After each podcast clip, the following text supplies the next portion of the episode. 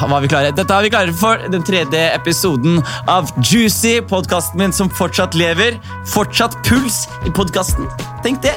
Vi har tre episoder ut, og jeg lovte en episode hver søndag. Og her er jeg den tredje søndagen med enda en episode. Og det er helt sjukt. Jeg, jeg, jeg skal ikke late som en overraskelse, for dere ser sikkert på teksten hvem som er gjest. Så det er Leo Ajkic som er gjest. Han er kanskje den, den råeste folka i Norge. Kanskje den råeste fyren. Jeg, jeg synes i Han er den kuleste fyren vi har. Han er så kul. Og Han kommer på besøk i dag, så det er veldig veldig, veldig fett. Og, gleder, og ja, det blir bra. Og vi har hatt besøk av Josef, Det gikk en, to, tre minutter, taffbilen den var bare skum. Fire hjul og skum ferdig. som var ganske stas. Vi har hatt besøk av Styggetann, Out of the car, out of the car! som også er ganske kult. Så det her blir bra. Og jeg skal være ærlig med dere. Jeg har planer om at den podkasten skal bli helt rå. Så jeg har hørt på podkasten, og jeg vil først og fremst si unnskyld til dere for at dere, høre, for at dere har måttet høre på latteren min. Jeg har stygg latter. Jeg vet jeg har en stygg latter. Og jeg har ikke skjønt hvor stygg latter jeg har før nå. For jeg jobber nemlig i radio. Eh, Jeg har et radioprogram på P3 som heter Karakter. Karakter. Sjekk det ut også hvis dere vil ha enda mer innhold. Det er dritbra greier, og da er jeg med to karer som faktisk er morsommere enn meg. Henrik Farley og Martin Lepperød. Eh, og Martin spesielt har en latter som er jævlig kul. Fordi Hver gang vi har gjort en episode, så får han skryt for at han har så bra latter. Og så hater alle latteren min, og så er det ikke før nå at jeg har skjønt hvorfor. Jeg har stygg latter. Jeg ler på utpust og innpust. Hvem er det som gjør Sånn ler jeg. Sånn ler jeg. på innpust og utpust. Kroppen min klarer ikke å velge. Den gjør tar begge deler. Ja takk. Innpust og utpust. Jeg, jeg vet ikke om jeg klarer å puste engang når jeg ler. Hør på det her, da! Det, det er jævlig greier! Jeg må ha fet latter. Helvete, jeg må le sånn Som 50 gjorde. Husker du 50-latteren? Ha-ha! Sånn, Det hadde vært enda bedre hvis jeg satt her med en gjest, og hver gang han sa noe gøy, jeg sa ha-ha! Hadde det vært fett? Det hadde kanskje vært fett. Jeg vet ikke. Men jeg tenker, eh, jeg lovte at jeg også skulle bli Norges beste på intro av podkast. Så det akter jeg å gjøre. Så jeg tenkte å legge til et element til. Det neste første elementet jeg skal legge til er Hvis ikke du vil høre på mer av introen, og du vil bare rett til Leo, så spol til Ni minutter. ikke sant? Så sier jeg det tallet når jeg er ferdig etterpå, så legger jeg det inn, så dere vet nøyaktig hva dere spoler til. Men det jeg vil gjøre nå er å gi dere noen anbefalinger av ting som jeg liker, og som dere kanskje kan like, så vi kan snakke om det her og bli liksom friends og family etter hvert. Ja, det første jeg vil snakke med dere om, er eh, en serie på Netflix som heter Drive to Survive. Det er en Formula 1-serie, og jeg skal være ærlig med dere, Formula 1 er en hvit sport. Jeg vet det. Jeg vet det. Jeg vet at dere tenker Jørnis, du har mista det helt nå. Du har bodd, du har bodd på Grünerløkka for lenge. Hva kommer du med Formula 1-greiene innenfor? for? Men hør her. Formula 1 er jævlig fett, fant jeg ut gjennom dokumentaren her. Og her kommer det. Den beste Formel 1-føreren. Louis Hamilton. Black guy. Tenk det, da. Black guy. Enda en black guy som dominerer en hvit sport. Shout-out til Tiger Woods og Louis Hamilton. My niggas. My nigga. så, så, det, så det vil si, alle black guys der ute, dere kan se på, dere kan se på Formel 1 nå. Og Det er visstnok jævlig svært i Nigeria og Ghana. Visste dere det? Formel 1 er dritsvært pga. Lewis Hamilton. Så heia Mercedes og heia Lewis Hamilton. Men se på den serien. Selv om du, du hater det, se på Formel 1. Eh, Drive to Survive på Netflix. Det er ti episoder. Sinnssykt bra laget. Og Hvis ikke du er fan av Formel 1 så på, så er det noe ekstremt gærent med det. Alle har vist den til, har blitt storfans. Så sjekk det ut! Så kanskje vi kan liksom begynne å snakke om racing og sånn. Vi kan snakke om paddock og, og vi kan snakke om, vi kan snakke om eh, noen circuiter og sånn. Jeg gleder meg veldig til Abu Dhabi. Kanskje dere kan være klare til Abu Dhabi? Jeg vil, være klar, jeg vil at dere skal være klare til Abu Dhabi. Eh, en annen anbefaling vil gi, er en, eh, et album. YBN Corday sitt nye album. Jeg husker ikke helt hva det het, men dere finner det hvis dere søker YBN Corday sitt nye album. Eh, det er en låt der som heter R&P, og det er masse andre kule låter her. Jeg er eh, hiphop-nerd og hiphop-fan, som dere kanskje har skjønt fra de episodene vi har hatt nå. Men eh, jeg har ikke vært så mye fan av ny musikk. Jeg er liksom stuck i noen år bak. Eh, så det er deilig å finne et album jeg liker. igjen. Eh, YBN Corday, sjekk det ut. Dritbra album. Og utenom det, jeg har shows, så sjekk meg på Instagram. Eh, Jonis Josef på Instagram. Eh, Der legger jeg ut eh, noen ganger jeg har show, så kom og se meg gjøre standup. Jeg skal blant annet gjøre Jeg har en kunngjøring! Jeg har en kunngjøring! Jeg har en kunngjøring! Og det er Jeg har booka Sentrum Scene. Wow. Hva er det du tenker med, Jonis? Jeg har et nytt standup-show som jeg jobber med, som snart er ferdig. Og jeg har booka Sentrum Scene 30. november. Mange sier 'er du helt dum', eller? De legger ikke booke Sentrum Scene 30. november med så kort varsel. Hvem faen er det du tror du er? Louis Hamilton, kanskje? Kanskje enda en svart mann som skal ta over en hvit sport? Kanskje det? Kanskje det? Jeg vet ikke. Men jeg har i hvert fall eh, billetter til eh, Ikke billetter, jeg skal ikke dele billetter. Jeg må få solgt billetter.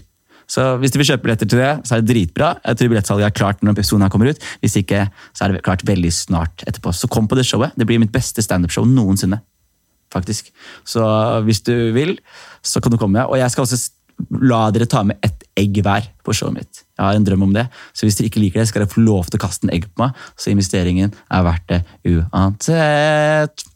Uansett, det var stas det. Jeg vil eh, ikke waste så mye av tiden deres, for nå får vi snart besøk av eh, Leo Ajkic. Jeg vil si at dette her er en av de kuleste folk jeg vet om. Jeg husker jeg så Leo første gang for, uh, på YouTube når han kasta en katt ut av et vindu, og tenkte det er en syk lættis fyr. Og han har tatt steg fra å være en uh, hiphop-fyr, vil jeg si, til å bli en av de store innen norsk TV, og den viktigste innen norsk TV. Og spesielt kanskje den Kanskje, eller ikke kanskje, eh, uten tvil, den utlendingen i Norge som har fått det mest på den norske skjerm. All time. Og, noe som, og, og gjort det her med, med hele miljøet bak seg. Det er én ting å være en utlending på TV og, og, og gjøre narr av sine egne. Det er lett. Vi har sett det før. Men det å være en utlending på TV og, og støtte sine egne og spille opp sine egne og, og, ha sine egne i ryggen Uhørt. Og Leo gjør det fordi han er to meter høy og ingen tør å si nei til han. Han er, han er ikke skummelt, men jeg skjønner at TV-produsenter lar han få ideene sine fordi han er Leo motherfuckings Ajkic. Du vil ikke si nei til han. Vil du det? Ikke jeg. Eh, han er en jævlig fet fyr. Han er en standup-guy. Han eh, jobber hardt med de folka han er glad i, og de, de som er glad i han, jobber hardt for han. Eh, og jeg er veldig glad i han. Jeg har møtt han mange ganger før i mitt liv. Han har gitt meg sinnssykt gode råd. Alltid vært snill. Alltid klappet meg på ryggen. Satt ved siden av meg på Gullruten, husker jeg. Og, eller han satt på andre siden, men vi hadde sånn derre er Når to utlendinger går i et rom fullt av hvite folk, dette vi får øyekontakt med en gang og nikker. Du vet det? Sånn at vi sier til hverandre sånn hey, these white people crazy. ikke sant? Og det samme gjorde meg og Leo Ajkic på Gullruten. Vi sitter og har øyekontakt, og så er det så gøy, fordi når jeg skal opp og ta imot Gullruten, så går jeg forbi Leo, så ser jeg en knyttneve på høyre side, og bare automatisk bare fistbumper han og går videre. Og det er noe, man, noe jeg gjorde, som jeg husker, og det er et av mine favorittøyeblikk med Leo eh, etter eh, denne. Så da skal jeg ikke plage dere. Vi snakket om litt forskjellig. Jeg har jo hatt en sånn liten for, litt Dessverre for Leo så har jeg hatt en sånn liten obsession med Bosnia-krigen pga. min venn Amel eh, Besic som ga meg en bok. Så jeg ble litt opphengt i Bosnia-krigen og måtte spørre han ut om kanskje traumatiske ting. Så vi får se hvordan det var. Men han var utrolig sporty og herlig. Og skal komme på besøk igjen. Så tusen takk til Leo, eh, og tusen takk til dere som hører på. Eh, Gi oss eh, Abonner på podkasten hvis du vil det. Jeg har bedt dere gi fem stjerner, men ikke gjør det hvis ikke dere vil. Hvis dere ikke liker den, så liker dere den ikke. Hvis dere, hvis dere liker den, så liker dere den. Så gi en ærlig stjerne, kanskje. Og så skriv en ærlig tilbakemelding. Og hvis du syns det er drithyggelig å høre på, så send til en kompis. Gjør det. Og så, da ser jeg gjesten deres. Leo Ajkic, mine damer og herrer.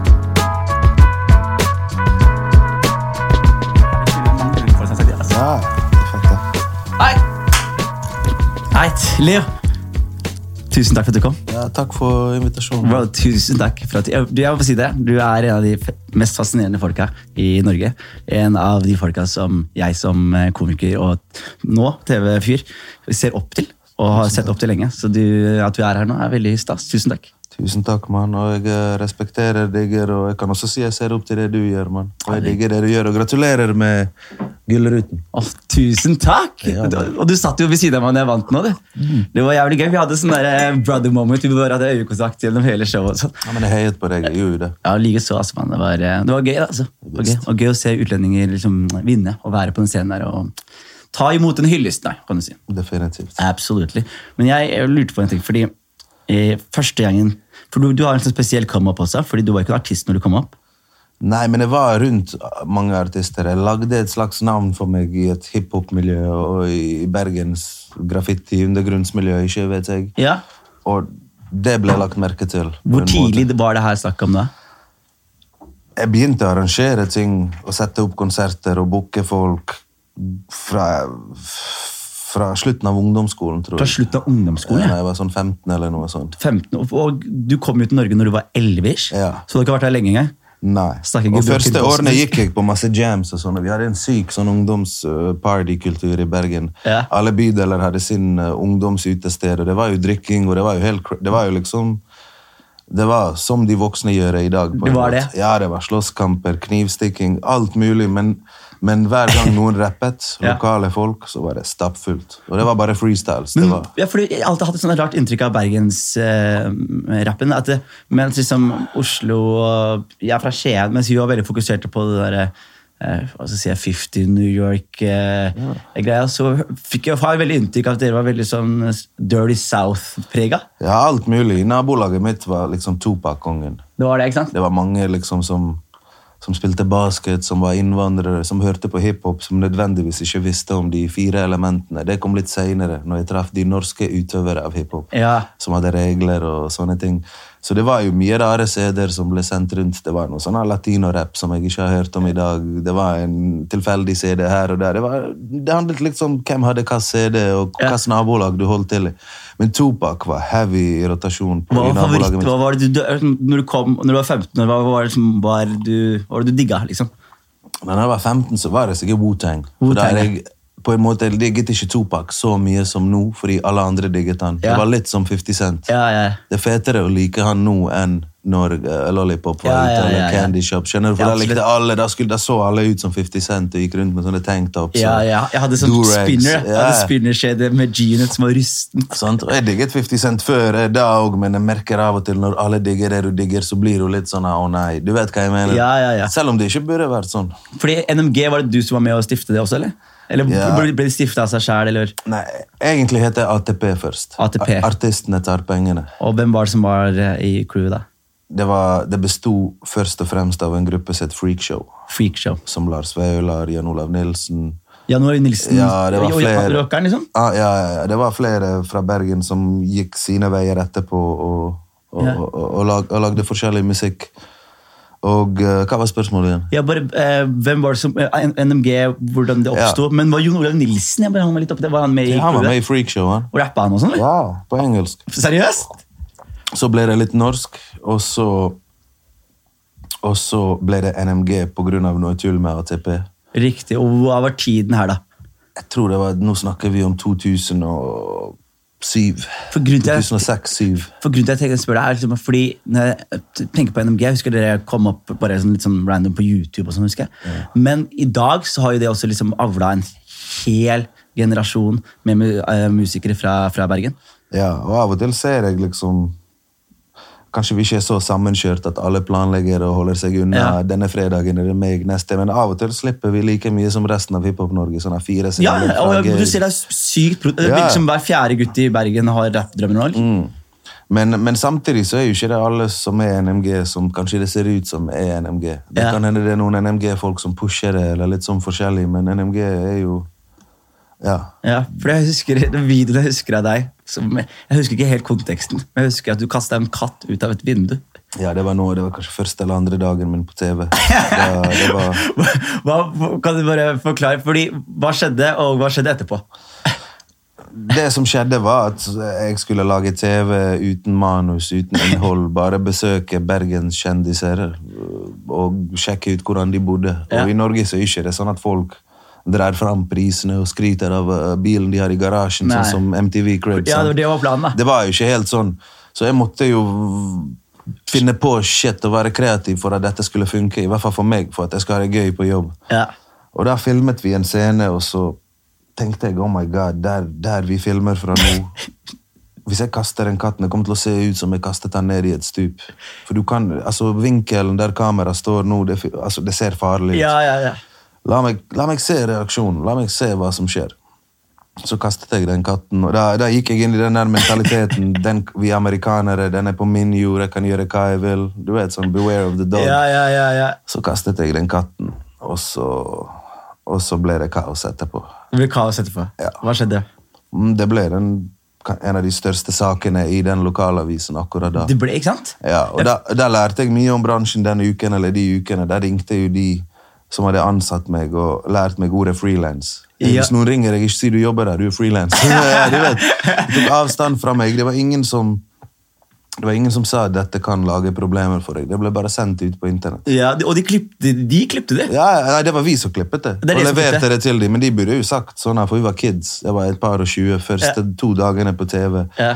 De, jeg føler noen burde sagt Ei, er du klar over reaksjonen, er du klar over hva dette kan føre til. For det er mange der ute som du digger, som er på TV, Absolutt. som har gjort ting, sagt ting, som er blitt klippet bort for at seerne ikke skal mislike dem. Ikke vet jeg. Ikke sant? Og her fikk ikke jeg et tilbud, eller vi tenkte over det. Vi bare Plutselig kom reaksjonen, telefonen begynte å ringe. sånn her. Ja. Men du håndterte det som en champ, da.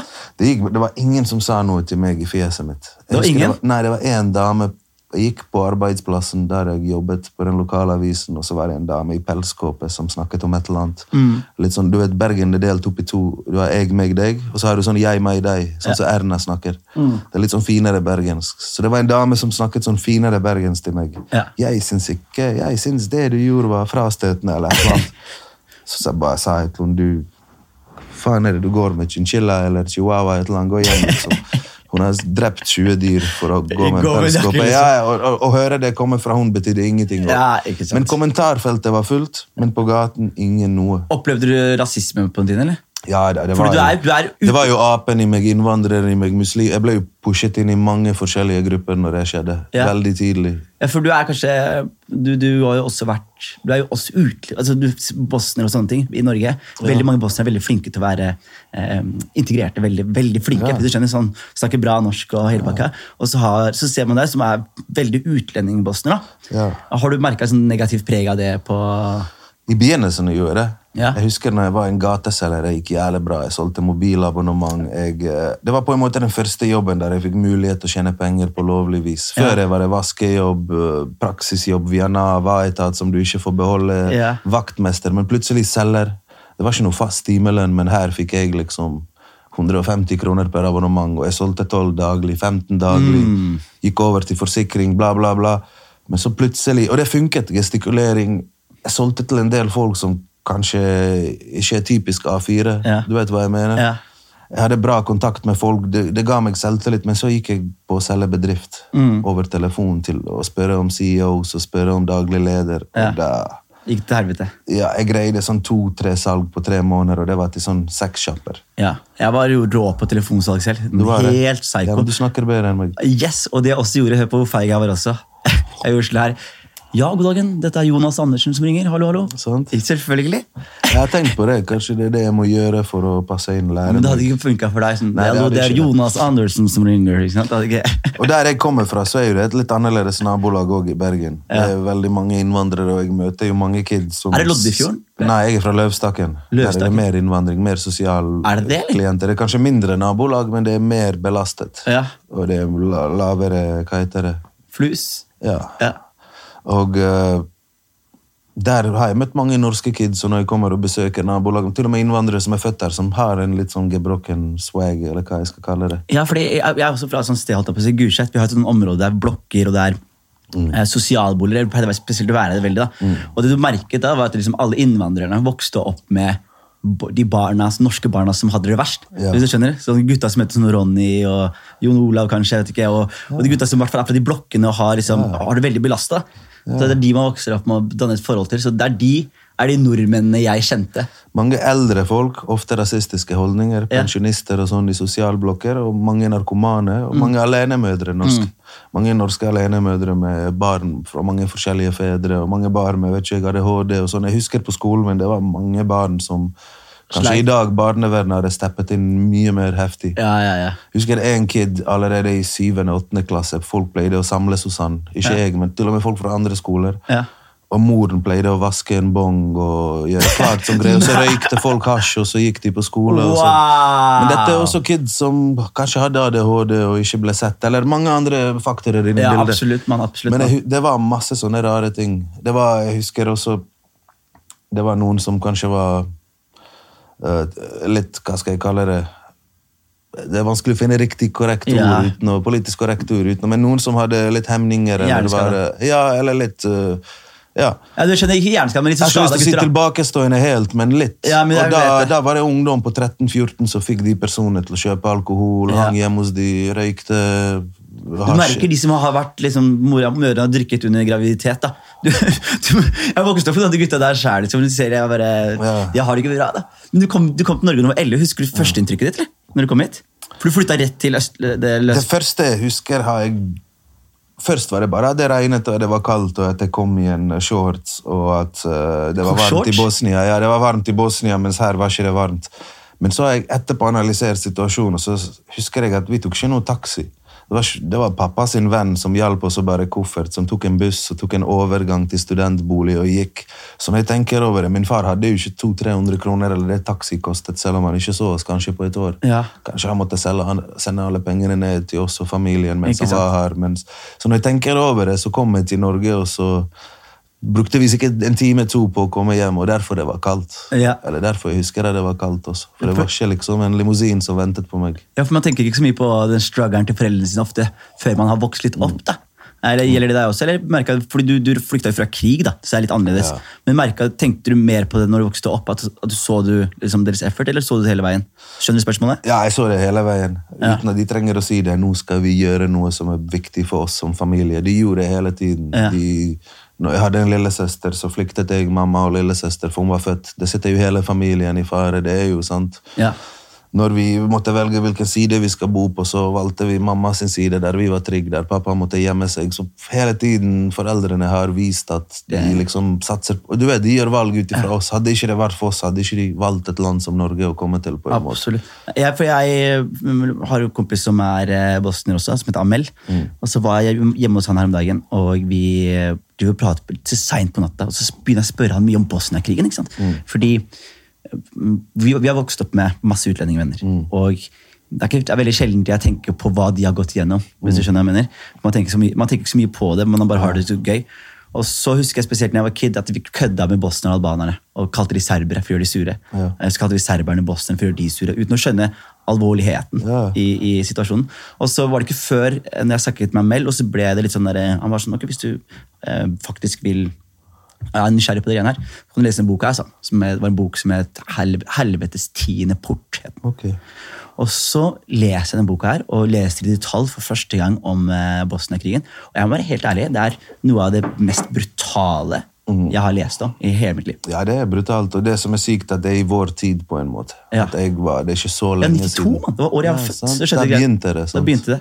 Heftig, så det er jo ikke så lenge siden. Og da, det setter jo spørsmål i hodet mitt om det kan skje igjen. Ja, ikke sant? Det er ikke sånn at vi henger bak. Nei, Vi òg var rike og hadde velferdssamfunn, og vi òg hadde multi, hva heter det, mangfold. Mm. Men så ble økonomi dårlig, nasjonalismen begynte å Ledere og politikere som fremmet nasjonalisme og segregering på en måte, Mm. de, de sto mer frem.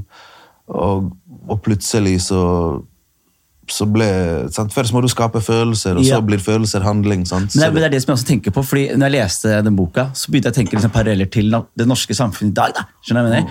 Og eh, Du vet jo det her mer enn noen i Norge, men det er sånn at det er veldig polarisert i Norge også. Du har veldig mange mennesker som er, er nasjonalister. Veldig mange mennesker som ikke liker de andre. Ikke sant? Og så ser man for eksempel i, i den boka jeg leste, så skildret han noe så fint at det, alle bodde i harmoni. Altså De eneste gangene de skilte seg mellom kristne og muslimer, var på fotballbingen. Eh, Og så plutselig tenker man sånn, «Å ja, de levde i harmoni, men over natta så ble alle menn som var over en viss alder, ble tatt med seg til fengsel. og Det bare switcha sånn, da. Ja, det er sånn, men det er ikke helt sånn. Alle har jo sin historie. og Det er Ja. alltid... Det var et fellesskap i Jugoslavia, Mm. men så var det noen som følte seg utenfor. Som følte en annen nasjonalitet, og de fikk jo ikke på en måte komme helt frem. Nei. Det er akkurat som nå Skandinavia skal bli et land, Ja.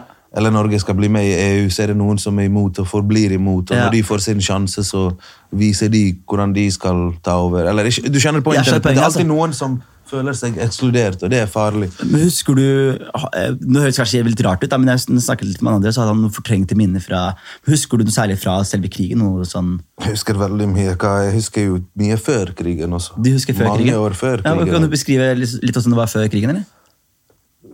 Jeg vet ikke, Det virker nesten som sånn fake eventyr på en måte, men jeg kan, jeg kan huske at altså, foreldrene hadde mye mer avslappet, chi- chill livsstil. på en måte. De jobbet med de nøt livet, vi hadde ferier. Vi, vi gjorde kanskje mer ting innenlands. Mm. At feriene våre ble i Kroatia, for det er det nærmeste. Det var ikke sånn at vi hadde penger til å stikke til Hawaii. Mm. Nei. Men vi kjørte egenprodusert bil, vi var trygge, vi hadde bedrift, eh, land som tok vare på oss, Mm. gratis helsehjelp. Jeg som ung gutt følte at jeg kunne blitt hva som helst. sant? Ja. Og jeg følte at jeg hørte til et sted, og, eh, og det var bare Jeg vet ikke, med den klimaen vi, vi har, Ja. Med de lønningene vi hadde der, og med de prisene der nede, så var det ganske bra livsstil. Og du reiser jo mye på ferie, og sånn, og ser jeg på Instagram. Og sånn. Og du reiser, reiser du til de stedene der og ser hvordan det har forandret seg? jeg, jeg, har- jeg reiser hvor som helst. Jeg har jo som oftest en gang i året der jeg må reise ned til hjembyen min, Mostar. Og, Ja, og litt for hvis du ser, er Mostar er hjembyen din. Ja. Og, ah, Ser du, når du, er, når du reiser dit nå, får du nostalgiske følelser? Eller er det mye blitt fortært til krig og sånn? Det blir jo det hver gang, og hver gang jeg kommer hjem eller kommer tilbake til Norge også, så blir det en slags reality check. Ja. Uansett. Ja. Uansett. Bare til og med prisnivået. sant? Når du er der nede og blir vant til å gå ut og drikke kaffe for fire-seks kroner, så kommer du her 50 kroner Ja, for ja, en ja, latte. ja, ja. Uansett om du har hatt det ti år, så blir du liksom Og så mange andre ting òg. Ikke sant? Men, også. men, men eh, husker, du, husker du når krigen starta? Det begynte eh, De første tingene jeg husker, var at jeg så mye militær rundt i byen. Mye. Og det var, var det serbisk militær, eller? Jugoslavisk, kanskje det var, militær. men det var det, det utstyret og det, de draktene. Ja. Jugoslavisk militær. Ja. Tankser og mye militær rundt i byen. Og, øh, og jeg husker de voksne snakket om en del ting bak ryggen på som vi fikk med Ja. oss. Men så begynte det sånn smålig, som nesten som terrorhandlinger. Jeg husker jeg syklet en dag, og så sprengte jeg en sånn à la Mad Max, du vet, en sånn tankbil eller Ja. noe sånn full av dynamitt som skulle kjøre ned til en bro eller et eller annet. Og du kjørte så i en den, eller? Nei, det sprengte, det var detonasjon, eller hva du kaller Ja. det. Og alt ristet, og vinduene knakk, og, og så var det noen opptøyer på noen fotballkamper som vi hørte om. Så det var jo en del spenning i luften før, før det plutselig, kanskje en kveld, bare var alarm, og vi ble tatt av foreldrene ned i kjelleren, og vi ble bombet, liksom. Wow! Sånn plutselig. Skjedde det, eller? Ja, det skjedde også. Og hvordan, sorry hvis du ikke vil snakke med meg. nei, det går bra. Ja, for jeg, bare, jeg blir alltid nysgjerrig når jeg hører Men, men husker du når bombene falt? Ja, jeg husker første gang. Da var jeg skikkelig redd. Men så var jo jeg det i kjelleren. Jeg, bare prøver, jeg har aldri, aldri opplevd det. Jeg hørte at at du, ørene Du hører ikke en dritt. Du Du hører det to ganger, og det kommer jo, det, det er liksom når det blir avfyrt og når det lander. Og jo lengre tid det er imellom, ja. jo lenger er det i avstand fra der de bomber fra. Det er som torden og lyn, eller? Så her vi ble bombet fra, var liksom fjell à du er i Bergen, hvis du har vært i Bergen. Ja. Og det er de nærmeste fjellene, så du hører liksom boom, to sekunder, boom. Og så hvor hardt det rister, og hvor høyt ut ifra hvor det er landet. Ja. Så av og til hører du at det lander langt vekke, men av og til hører du at det kommer nærmere og nærmere. Ja. Og jeg husker senere i krigen, når jeg var på den trygge siden, da, der bombene kom fra mot andre til der, og der så det ut som Star Wars. Det var sånne røde og grønne lys om natten som bare ble avfyrt mot mine venner. og ja. Og, og- men Var dere på flukt fra den dagen første bomba sprang? eller? Hvordan var situasjonen? Ja. For du er bosnier. Ja, jeg bodde, jeg og min familie Vi fikk en lillesøster. Vi flyttet kanskje ett år før krigen, og det huset fins ikke lenger. For det lå på en gate som het Boulevard, og Ja. det var frontlinjen. Så det er bare parkeringsplass. Okay. Det er ingenting der. Så vi, vi måtte strategisk flytte på oss til min tante sin leilighet, som var skjermet fra det ene fjellet, eller ikke vet jeg. Det jo, du må jo tenke sånn Ja. ja, du må være skjermet for snikskytere, for visse ting. Og da flyttet vi og bodde der. Og så og, Visste du de tingene her når du var på den alderen? At dere måtte skjermes for hørte jo om det, ja. Jeg husker forskjellige ting. Jeg husker En gang jeg hadde en kulepenn jeg ville plukke opp fra bakken. og Jeg var glad i å tegne, og jeg fikk ikke lov til det, fordi ofte var det dynamitt i de. Så du kan sprenge en finger eller noe sånn. Wow. Sånne ting som ble kastet fra fly eller fra Du vet hva jeg mener? Ja, ja, ja. Det er, det er en syk hverdag å bare plutselig måtte forholde seg til. da. Ja, ja det er jo det. Og, og Når du tenker tilbake på det, føler du et eller annet, eller er det eller Sorry, det høres sykt rart ut, det spørsmålet her. Men bare, men for meg så høres det ut som en veldig dark opplevelse. da. Og at man liksom bare, At man ikke bare plutselig bare kommer til Norge og så er alt Gud. da. Hvis du skjønner? Det var min virkelighet, og alle kjente sin virkelighet, så det var ikke rart. De eneste jeg kjente utenom de som hadde min virkelighet, var noen familiemedlemmer i Tyskland. Ja. Og der reiste jeg og min mamma og min lillesøster Ja. noen måneder etter krigen. Og der ble vi en liten stund, og så var det tilbake igjen. Og så var de Tilbake neste, igjen til Bosnia? Ja, så var det helt til 94-95, hele tiden inn og ut, inn og ut. Kroatia, Bosnia, Ja. Kroatia. For jeg måtte jo gå på skole og sånne ting. Ikke sant? ja. Man prøver å ha en normal hverdag oppi det hele også. Så du bruker nærområdene først, sant? Ikke sant? Og du kom, og så var det i Norge. Og hvor fort var det du på en måte ble komfortabel i Norge og lærte deg språk? For Du var 15 år når du begynte å arrangere litt ting og sånn? Jeg lærte mye av språket før jeg kom til Norge. Ikke mye, men et par ting. Jeg tror jeg fikk en sånn bok. Pappa var her et halvt år eller ett år før meg. Ja. Og så begynte jeg å lese litt, lære litt. Jeg var glad i skole, ja. Og så med en gang jeg kom, så begynner skole i Norge kanskje litt før andre steder. Andre Ja. steder er litt lengre sommerferie på varme og sånn. Mm. Så her landet jeg, så var det bom, plutselig skole. Ja. Og da begynte jeg å lære norsk med en gang. Så kanskje halvt år etter at jeg var i Norge, så kunne jeg kommunisere og begynte på en norsk skole. på en måte. Men jeg gikk ferdig det første året på sånn Nygårdsskole med innvandrere. Og så femte eller sjette klasse begynte jeg på norsk skole. Sjette, tror jeg. Hva var det du ville bli når du vokste opp? på den tiden her? Uh, Eller ikke på den tiden her, men når du kom til Norge og lærte språk og klarte å forplante deg litt. Kanskje maler eller en som tegnet eller et eller annet. Ja, noen som, noen som er kreativ. Nei, ikke så mye. Jeg drev mye med graffiti og sånn. Du gjorde det, eller? Ja. Men uh, Kan du si hva du tagga? jeg er pff, lovlig baker. Baker Baker? én, ja. Baker en. Og så Det jeg har skrevet ulovlig, har jeg blitt tatt for. Du har det? Men jeg ble tatt av lokalpolitiet i nabolaget mitt som prøvde å skape bånd med oss. Så de, Ja. lot, de lot oss male over det og ikke rapportere til nabolagsbydel. Er ikke det snilt, da? Det er veldig snilt. Det er en måte å skape bånd på. Det er veldig, veldig bra. Men det var jo på en måte sånn Hei, dere har ødelagt for 200 000 i den postkoden. Vi vet at det er dere. Det står Ja. samme som her. Men fikser vi vårt nabolag, så skal vi sørge for at de ikke får vite det dere. Og så var det kanskje første klassetur jeg skulle på til England, så det endte opp med at min far måtte male. eller noe sånt. Nei. Jeg måtte stikke, og det måtte bli gjort. Så, Fordi I Oslo så har de vært sykt harde. Mm. Ikke, du har sikkert hørt historien, men De hadde jo et år hvor de ansatte sånne russere Mm. som, som sikkerhetsvakter for jernbanelinja. Har du hørt det?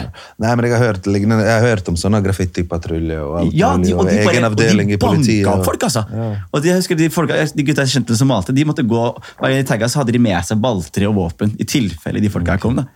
Så det Jeg var var ikke helt der. Det fins jo sånne scratchiri og bombing, og jeg var ikke helt der. Av og til var jeg med på det da jeg var yngre, på noe rush og sånn, men Ja.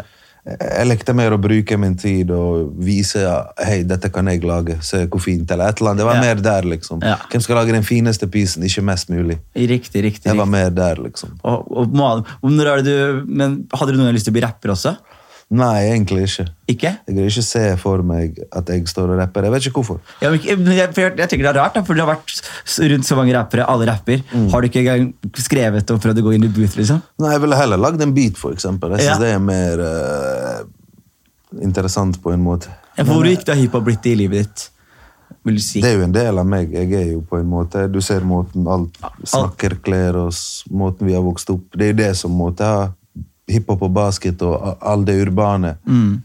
Det er jo det som har skapt en slags tilhørighet i Norge, der jeg har funnet min plass gjennom de tingene. Absolutt. Og det er jo gøy å se, for du, du så jo aldri sånn naturlig progresjon ikke sant? hele tiden du var liksom, eh, i jeg vet, jeg vet ikke engang hva rollen din var. Jeg husker på at jeg, Vi så på deg, altså, du visste hvem du var hele tiden. Men Jeg husker ikke hva rollen din var. Hvordan vil du beskrive rollen din som? Jeg liksom? var en slags manager. En som, kanskje Ja. For det på den tiden så føler jeg at så å si alle som hørte på hiphop, rappet. Mm. Det er du, Hvorfor rapper ikke du? Jeg tror jeg følte at alle, det var ikke nok fans. Nei. Alle var utøvere. Ja. Og gjerne fire elementer hver. og sånn. Alle skulle gjøre alt. Mm. Alle skulle tagge en stund, alle skulle breake. alle skulle... Jeg var aldri interessert i å lære meg breakdance. Litt, litt electric boogie bare på det. men, men du skjønner pointet mitt. Graffiti, pointet. Samme med, Jeg var ikke opptatt av å være beste DJ, beste rapper. Nei. Og, og det er bare sånn. Nei, Events og sånn var litt mer naturlig, eller? Mm. Events og sånn var litt mer naturlig å hoste. Jeg likte å arrangere ting, og jeg vet ikke, kanskje på grunn av integreringsprosessen, og jeg fikk tidlig et radioprogram Ja. som var hiphop i 95-96 eller Mm. noe sånt. Ja. Nei, 97 kanskje. Du gjorde det? Ja, veldig tidlig, når vi var på ungdomsskole som integreringsprosjekt. Vi måtte, intervju, vi måtte intervjue og lage intervjuer for å få lov til å spille gangsterrap. og sånt. Gøy! Sant? Så der inviterte vi lokale rappere, de gjorde freestyle, så det var jo venner av oss. Så, så hadde vi også, hang vi mye på sånne ungdomsklubber som var åpne, der vi fikk lov, og det er lovlig graffiti i eller sketsjerom, eller et eller annet, eller DJ-utstyr. Så begynte jeg å få kontakter med folk og begynne å arrangere og booke ting. Ja. Så Madcon var noe Jeg tror første gang de var i Bergen, det var via meg. Det var det? Ja, før de Kanskje de hadde én singel ute, eller noe sånt. Og det kom masse folk, og For Hvordan, det, hvordan var nettverk Fordi du hadde ikke internett og sånn. Hvordan er det du fikk høre om ting rundt og Man møtte folk og utvekslet nummer og hang ut med folk og reiste fra by til by. Veldig tidlig, fra jeg var 15, så reiste vi til Kristiansand, Oi. for de hadde Kvartfestival, Ja. og der var det hiphop. Og vi hadde ingenting rundt oss, sant? Ja. På den måten. Og sammen med de hadde en lovlig graffitivegg i Stavanger eller Sandnes. Ja. Sammen med Samsen i Kristiansand, sånn kulturhus. Og var det mer connecta Ja, to ganger H i, i, i Trondheim. Det var mindre miljø, det var ikke internett, så man måtte gjøre litt mer effort. Ikke på sant? en måte. Og hva syns du om tiden her? Var det spennende, eller? Ja, det var jo spennende. Det var jo på en måte bygget opp noe fra ingenting, de Ja. fleste. Ikke sant? Og, og noen Man tar ting for gitt, men på den tiden så er Carpe Diem overalt, for. Ja, ja, ja. Så de har jobbet med ting i hvert fall i 20 år nå, liksom, cirka, med, med å reise rundt, med å spille overalt. Ungdomsklubber, hiphop-events. Ja. Gjerne dele scenen med 20 andre òg. Og ja, ja. For jeg sitter der, jeg har snakket, Alle jeg har hatt som gjester nå, at Josef Stigtan og noe der, og alle sammen har jo liksom røtter i, i litt gamle hiphop-Norge. da. Og når jeg hører om det, så virker det som en sånn sykt sånn spennende kultur hvor folk var gode venner, og det skjedde mye rart, og det var aktivitet og mye som skjedde. Jeg hører jo Kvarten 04, var det det? Jeg husker det, eller en eller annen sånn kvart hvor, som var ganske legendarisk for uh, hiphop. Hvem spilte dere? Jeg tror det var Pass It. Pass It, tror jeg. Ok. Jeg husker ikke. Jeg, eh, jeg husker ikke, jeg heller. Nei. Men det var noe The Roots, og det, det har vært et par folk der nede. Ja. Ja, Nei, fordi du, du Lars Vaular er jo gode venner nå fortsatt. Og, men når jeg ser på dere begge to, så ser det ut som jævlig forskjellige folk. Eh, Husker du første gang dere møttes, eller? Jeg husker eh, Jeg gikk jo på skole med han, han gikk i første gym, gikk jeg i andre. Ja. På samme skole, og så gikk jeg tredje, så gikk han i andre. Så, så, eh, men jeg ble kjent med han sommeren før jeg eller han skulle på videregående. Ja. Ikke helt sikker. Det var rundt sånn 17-årsalderen eller 16, noe sånt. Og var det rap som var Det var connection? Girson som tok han med, og så hørte jeg en sånn engelsk et eller annet sånn Bergen Represent Part 2, eller et eller annet, men han var den beste. Altså. Han var det? Ja, på engelsk han var best. Det var en sånn For på den tiden tok alle plass. Alt fra klær til å snakke høyest. Ja. han var den som tok minst plass. Han var bare der. Men når vi hørte han rappe, så bare sånn shit. Riktig. Og Girson var du kjent med også på den tiden? Eller, Ja, ja, når når, folk liksom connect, Når gjengen ble connecta? Jeg, jeg vet at de fleste kom til nabolaget mitt pga. basket. Basket. Ja, Og vi hadde asylmottak i nabolaget mitt, så mange som bodde i andre bydeler, kom tilbake fordi de har bodd de første to-tre årene der. Ikke Og sant. asylmottak i dag er ikke så nært sentrum som før. Dette var, en, to, dette var som Tøyen, da, eller Ja. som midt i byen på en måte, nesten. Ser ned på byen. Ja. Og da kom folk fra alle bydeler. Så jeg har vært der Girson når de bodde, men det var veldig langt for oss å reise som kids. Mm. Det var sikkert langt for de å reise til oss, men de kom om sommerferien. Om, ja. Ja. Så reiste vi av og til ut. Og så traff de folk som hadde CD-er og byttet, og ja, så felles ting, og så, og så ble det en greie. Var det like dårlig vær i Bergen da, eller? Jeg kan ikke huske dårlig vær, for når, du, når jeg tenker sommer og basket og Så bare så er det fint vær. Ja, det er bare solskinn. Ute hele dagen. Ja, Du er jo bygd som basketspiller, da. Ja, litt. litt. Ja, du klarer du fortsatt å bade, eller? Jo, jo. Du gjør det? Ja. Gjør du det? Ja, jeg spiller spiller av og til. På Cuba, eller? Ligger det, men det er ikke det samme lenger. vet du. Nei, nei, nei. nei, nei, nei. Ja, fy faen. Og nå, men nå er det, for nå gjør du både TV, men du er også manager. Ja. For Angel Uraira og Kamelen. Ja, King Skirkwan. jobber med Store P en del. Store P. Ja, Hvordan går det med Store Store P? er jo faen meg rå. Han er rå. Det skjer mye fett der. Han er jo en av årets største låter ute med Lars og Kygo. Ja, den ble ganske svær, den. Ja, Og, det som er gøy med han også, han har jo, for dere så er det sånn eller, vi, vi, hadde ikke noe forhold til Storby ganske lenge, men så var alle i Bergen sånn derre Han er den beste. Han er den beste. Han er den liksom- beste. Han er den beste. Han er. Og nå tror jeg liksom hele Norge begynner å bli enig. hvis du skjønner det. ja jeg håper det, altså. Ja, Jeg Sorry. det er null stress. Og så Kamelen. Det tar enorme tid. Ja, Kamelen, ja. Kamelen, det, det er det jeg jobber jævlig mye med. Og der er det mye jobb å gjøre òg. Ja, faen, Kamelen, det, det er faen meg, jeg er så imponert av liksom, hva man har fått til der. Da. Jeg skal si ingenting, så jeg, skal jeg være helt ærlig, jeg tror også veldig mange trodde det, at det var sånn, ah, det er den hiten. Hvis du skjønner? Fordi det smalt så bra, det, det var så aktuelt i det som skjedde, han var på rømmen, alt skjedde, og så plutselig bare, nei, bare mer, mer, mer, solide deals har du fått til, og mye greier, og man ser liksom at det her er, han kommer for å bli da. Ja, han er det. Ja. Beklager, altså. Jeg må hoste litt. Du, det går bra det. Nei, men Jeg har bevist han er her for å bli, liksom. Ja, og hva, hva er det som du har lyst til å gjøre videre? Hvis du kunne, for du, jeg, jeg må også si det du har gjort i TV, det må jeg si er eh, vi, snakker, vi har snakket om plattform og sånn før, og du har alltid hatt mye gode ting å si, men det å bruke den plattformen du har til å liksom gjøre gode ting, det er jeg, jeg, kan bruke på et bedre eksempel. Da. Eh, Og hva syns du om å lage den siste sesongen av eh, dokumentaren? Det var gøy. Det var fett å få ansvar og få lov til å Beklager. Det, du, det går bra. Altså. Oh, shit. Leo var faktisk litt syk før vi kom i dag, så det er enda mer sport at du kom. Det er jo fett å få ansvar, da. Ja, men Hvor mye ansvar har dere? Nei, men ansvar på å ta samfunns, viktige samfunnstema og problemstillinger og få lov til å gjøre noe TV på det. Ja. Hva var det mest eh, eh, hva Hva vil du si er det mest som sto deg emosjonelt nært av det du har gjort? Eller hva har du følt mest på? Mm. Jeg var mest stolt til å begynne med den serien Leo de utstøtte. Ja. For jeg pitchet den sjøl på en måte. ja. Og jeg var ikke engang meldt på pitch. Jeg var mellom to folk. Jeg bare, kan jeg gå få lov å pitche? For jeg får ikke med meg sånne ting. Jeg har ikke leste mails, alle pitchet. Det kom folk utenfra, kledde seg opp som bjørner. Ikke vet jeg, De hadde Ja, pitchet ja, sitt ja, ja. program. Og så bare tenkte jeg faen, nå må jeg gå og ha en pitch. Og så bare ok, jeg vil henge en dag i livet til noen du ikke vil dine barn skal ende opp som. Så skapte jeg en slags liten diskusjon. Ja, Var det som var idépitchen, ja? Hvem er de folka? Så jeg, er en homofil. En. Og så ble det her, homofil, jeg er homofil, min mor vil ha meg, du kan ikke si sånn. Så ble det en diskusjon. Ja. sant? Jeg, ja, ok, jeg er enig, beklager, sant? men kanskje der jeg er fra. Du Ja. kan bli utstøtt på det, men ikke i Norge er enig. Ja. Så hva annet? Og så fant vi eksempel noen, noen som er narkoman, Ja. avhengig av narkotika. Det er ingen som ønsker sine barn det. Nei. Noen som har spiseforstyrrelser, psykisk helseproblemer. Det er ingen som ønsker Hvor vanskelig var det å få de her til å bli med på kamera? Det var Jeg tror ikke det var det tyngste. Men jeg tror vi fjernet noen etterpå, fordi folk Vi må jo ta vare på folk, og folk, ja, ja. av og til folk er unge. Og det er noen, jeg husker vi hadde en som skulle Som var transseksuell, som kanskje tok kontakt med oss en stund etterpå ville ha det fjernet fordi livssituasjonen var litt annerledes nå. Ja, men det ser jeg. den ser jeg. Men Leo det utsatte, husker jeg, det var jævlig, jævlig morsomt også. Det husker Ja. de gutta, var, de, var de ikke venner av deg? Noen av de gutta? Det var Leo U-landslaget. U-landslaget! Sorry, jeg blander. Er jeg det var var en somalier, en fra lættis! Cuba, en fra Thailand. Det var fett. Åh, det var dritlættis, Ja. altså. Hvordan går det med gutta? Det går fett. Men det var, jeg husker det var litt tidlig i prosessen med å produsere og gi fra meg ansvar og manus. Og da Ja. ble folk ansatt rundt meg, og jeg husker jeg ble veldig frustrert, og sånn, for Ja. jeg ville ha litt styring på hva vi skulle gjøre. Ja. Så jeg er fornøyd med resultatet, men når jeg husker den tiden, så var jeg litt sånn frustrert over at liksom, her vi gjør dette, dette, dette, og så kanskje hører du neste gang hei, det blir sånn og sånn og sånn, let's go. Mm. Ja, ikke oh shit, sant? ja. Og, men flukt, da? Det var, Flukt var- Hvordan var det å lage flukt? Først var det TV-aksjon, og jeg fikk jobbet med miner i Bosnia. Som var sånn, wow, jeg får lov til å bidra til å gjøre en forskjell.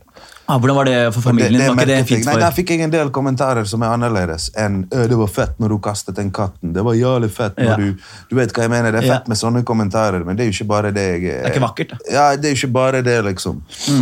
Inspirere folk til å gjøre morsomme eller dumme ting på Ja. Snapchat. Det er jo ikke det jeg vil med livet mitt. Og så er det kanskje veldig fint for familien også, når de bare Ja. ser Oi, alt tullet til Leo ender opp i noe etter det, Ja. veldedighet, liksom. Men når jeg begynte, og flukt var super. øh, Det var noe jeg ville lage lenge om, om hvordan det å være flyktning, om å se folk for det de er, og ikke bare gruppe, og Ja. gå i gamle fellene som andre verdenskrig med, og liksom, Mm. du vet hva jeg mener, propaganda og shit. La oss bli kjent med disse folka. Mm. Og så var, ble tiden inne for det på grunn av Syria og Absolutt. det som skjedde. For du har sånn evne til å trå sånn, en måte som jeg liker veldig, veldig Du har klart, du har klart en balanse som er eh, sånn teknisk veldig vanskelig, syns jeg, og det er å stå for noe samtidig som man ikke angriper. Hvis du skjønner? Fordi du har hatt en sånn greie hvor du du, du, For eksempel når du skrev den 17. mai-talen, som jeg syns var kanskje noe av det beste du har gjort, så ser man nyansen der. For du, du, du belyser et problem. Du sier 'det her er problem'. Du sier ikke 'det er din feil, det er din feil', det er din feil, men 'det her er problemet'. Ja. Og det gjør at man kan sitte på den andre siden av bordet og ta imot kritikken uten å føle seg angrepet. Ja. Og det syns jeg du har klart å gjøre jævlig bra. Men er det noe du gjør bevisst, eller er det bare noe som Det er, altså, jeg samarbeider jo med TV og alt, og det er jo ting som blir fjernet som Altså, Vi skal jo vise et program Ja, de kaster ikke katter lenger, lar ikke Nei, nei, nei, jeg gjør jo ikke det nødvendigvis, men, men, eh, men jeg er veldig opptatt av å få inn kanskje om mulig og ikke være sånn Jeg hater til og med 'dette er verdens beste burger'. Ja. Dette er verdens, å, vi skal på verdens beste fest. Jeg fikk en gang sånn tilbud om å lage verdens beste fester, og det ble sånn Jeg har ikke lyst til å være han som sier 'dette er verdens beste'. Nei. Verdens beste fra hvilket perspektiv? Ja, ja, ja. Skjønner du poenget? 100, 100 poeng. Så ja. Ja, for du, har jo også hatt eh, de programmene du utforsker ting. Hva er det du føler du har lært mest, eller hva er det, du, er det noe du, liksom, du ønsker å kommunisere mest med det du har tatt til av informasjon? Hvis vi skal skape mer forståelse med mangfold, så har jeg lyst til å møte det som er kanskje ukjent for noen. Ja. Jeg er litt lei av å bli plassert steder der det ikke skjer noe, der jeg må være ekstrem. Det er sånn jeg har gjort første årene av karrieren Ja, min. ja. Så jeg vil heller ha noe innhold der jeg kan også ha noe innhold og noe å spørre om, og bruke ekte nysgjerrighet. Spesielt ting du er Altså, Hvis jeg møter en narkoman, så har jeg million ting jeg lurer på. ja. For vi har ikke lært nok om det på skolen. Vi har ikke, hvis jeg møter noen som er litt på kanten, så lurer jeg på mye. Mm. Så, så det beste er jo å lage ting om ting du lurer på, som du er interessert i. Ikke sant? For å lov å jobbe med ting du er interessert i, så blir det gøyere på jobb, og det blir bedre TV, og det blir mer genuint òg. Og hva mer har du lyst til å utforske hvis du kunne eh, hatt litt frie tøyler? da? Det er jo veldig mye. Det er jo Jeg vet ikke. Det er tusenvis av ideer. Ofte innebærer det å reise, fordi jeg har jo lyst til å reise på jobb. Ja, ja, ja, for du reiser jævlig mye. Ja, Ja, jeg må jo hvis jeg, vi, jeg tror alle ser det på Instagram. Bare in the good life. ass. Nei, Det er perioder. Det er ofte jeg ikke reiser på lenge og jobber og jobber, og så har jeg det er viktig for å reise, eller? Jeg digger det. det er sånn, Du kan lese en bok om et sted, og alt sånt. Det er fett, selvfølgelig, men Mm. å reise et sted og se det sjøl og lukte det og, og være der, Mm. det, det, det gir også et annet inntrykk. Absolutt. Når jeg vil gå tilbake til Leo de utsetter. Jeg har bare tenkt litt mye på en ting der, akkurat der. Fordi du har endt opp der du er nå. Ja. og du er i en po- positiv, pos- eh, positiv sted osv. Men når du ser eh, på de utsatte osv., ser du at hvorfor, altså, hvorfor gikk det bra med deg? skjønner, skjønner, altså Ting lå til rette for at du skulle blitt en eh, ikke så fin fyr. da Eh, Og ikke hatt det så Skjønner du hva jeg mener? Altså, Ja. litt sånn, Ikke rasistisk, kan man si, men Ja. når man er fra et sånn belastet miljø, og man er fra et belastet miljø og har gjort, eh, vært i taggemiljø osv., så, videre, så er muligheten til å gå den siden eh, veldig til stede hele tiden. da Hva vil du si er grunnen til at det ikke har skjedd med deg? Jeg gikk jo litt sånn mens ting holdt endelig på å begynne å gå litt sånn. Ja. Så jeg fikk problemer med politiet.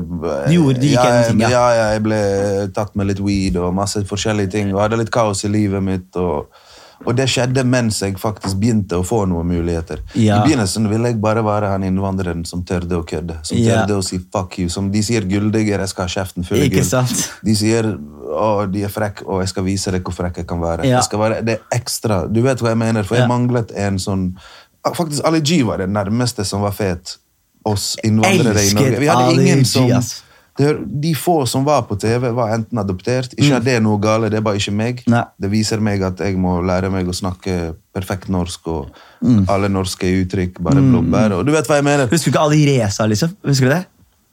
Uh, hvem er det? Alireza, det den der karakteren til Lisa Tønne. Den der iraneren som var sånn Walla, brorsan, hva skjer? Okay. Altså, nei, Nei, det er ikke sånn vi snakker! Ja, sant? For det var en del sånn, jeg, ble, jeg føler at de som ble puttet der for å representere meg og gutta, eller oss, aldri. Ja.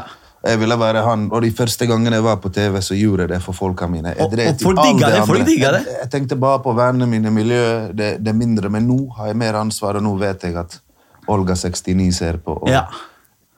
ja, Og Ola- hører på hva du har å si, liksom. Du vet hva, så nå er linsen flere folk bak han. ja, Så tok du til valg på at liksom, okay, det, det her er ikke det her, eller, bare, eller skjedde det naturlig av seg Jeg fikk også mulighet til å jobbe med ting som TV-aksjon, og jeg skjønte at det betydde noe, og jeg skjønte at jeg kan også gjøre den jobben. Jeg fikk veldig mye sånn Nei, han er barne-TV-programleder. Det var Ja. mange som så for meg at jeg skulle bli en sånn ungdoms... En fyr som aldri vokser opp, eller et eller Ja, annet sånt. og det, du har tatt steget. Og det sånn. motiverte meg til å faktisk gjøre noe annerledes. Fordi at folk kanskje ikke trodde på meg, og trodde jeg Nei, han der greier ikke lenger, liksom. Ja, ikke sant?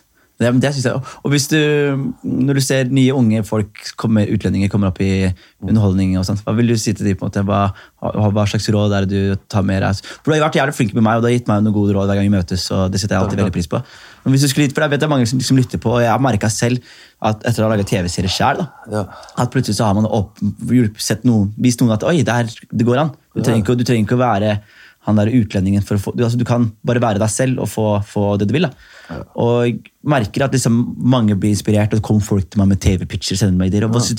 hvor, hvor kan jeg pitche det her, hvor kan jeg pitche det her? Og jeg prøver å hjelpe så mange som mulig, men hva vil du ha sagt til folk som kommer litt opp? Nei, Innvandrere spesielt, ja, for det er ikke, det er, vi, er, vi, er, vi er jo ikke som, samme som Thomas og Petter. Det er sant. I dag er det så mange plattform. Og det, det er jo liksom mye mer muligheter i dag å vise seg sjøl. Og skape sine egne followers. eh, og, og, og skape noe eget. Og, jeg vet ikke, og rett og slett å, å bli litt synlig. Ja. Og, eh, og det er generelt Jeg vet ikke hva jeg skal si generelt om det, men ting kommer jo ikke over natten. liksom. Nei. Man må grinde. Ja. Ja. Og så For gjorde, gjorde du noe PR-stunts og sånn back in days med NMG og sånn, eller? Med hvem? Med NMG-gjengen, eller, eller har, du, har du gjort noe PR-stunt generelt i livet som tenker sånn, der gjorde jeg vel litt Jo, sånn? P3 på kødd, liksom. Ja. Som alle fortsatt spør meg om. Ja, men du klikket på ekte, sant? Folk tror at folk, Det var på P3 at jeg sa liksom fuck denne kanalen. Vi, vi, vi hjernevasker folk og spiller drittmusikk, og så blir det hits. Ja. Og jeg, når jeg pitchet det inn, så tenkte jeg å si en annen radiokanal, men da ble jo det veldig frekt å stå på NRK, Statskanalen, og disse noen andre. Ja. De ble ikke med på det. Så jeg hva med hvis jeg disser våre egne? Ja. Så ser det ut som eh, dere ga meg en eh, lønnsøkning, og så kommer jeg tilbake i neste scene.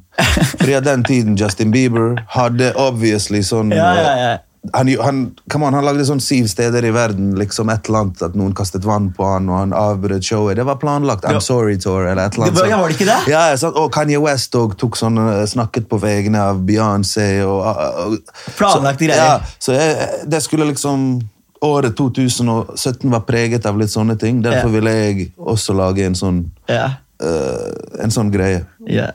Og mange, mange kids kommer i dag Walla, bror, det du sa, det er så ekte. Det er så det er veldig gøy. Og, og får du også, jeg kan se for meg at du er i posisjon hvor du får mange mixtaper på, på, på e-posten din. Er det mange som prø- Ja, prøver å jeg får hver uke hele tiden på DMs folk, unge kids, og jeg får dessverre ikke tid til å Nei, man har sjekke ut man har alt. ikke det, vet du. Jeg får dessverre ikke tid til det, og, eh, og jeg er jo ikke sånn som konstant er på utkikk etter nye talenter. Det, det, jeg har nok med jobb på en måte, og jeg har lyst til å gi mer til de jeg allerede har. Ikke sant? Jeg husker da jeg var, eh, jeg var sånn 13-14, så rappa jeg sjøl. Hva var, hva var MC-navnet? Jay Lane. Jay Lane? Jay Det var litt sånn, eh, hva heter det, backpacker-style? Ja, Fabulous. Husker du Fabulous? Ja, ja. Love Caps og lyrics. Det var greia mi.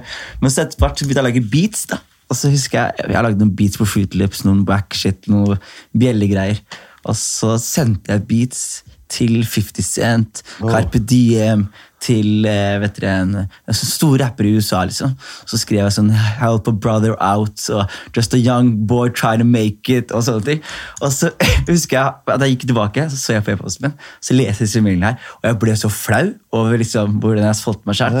Men så ble jeg også sånn det er, det er riktig. Du skal, du skal være sånn. Du Ja, men det er noen som har fått det til på den måten. Noen av produsentene som er store i dag og lever Ja. av det, har kommet inn i gamen på den måten. De var ikke fra vårt nabolag. Kanskje vi fikk en mail, sjekket det ut. Mm.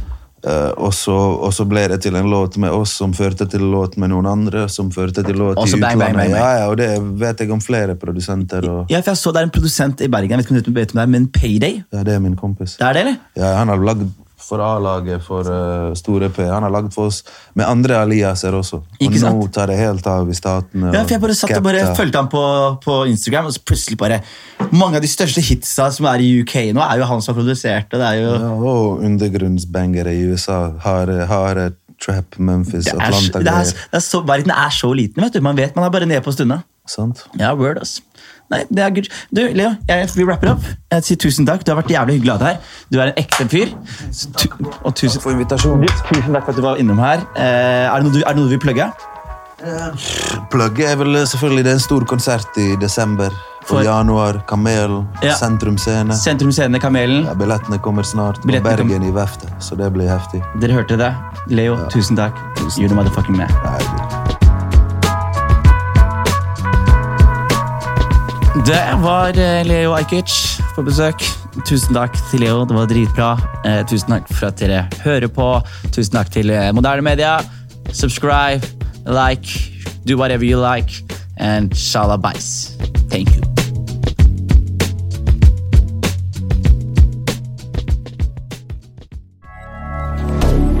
Moderne media.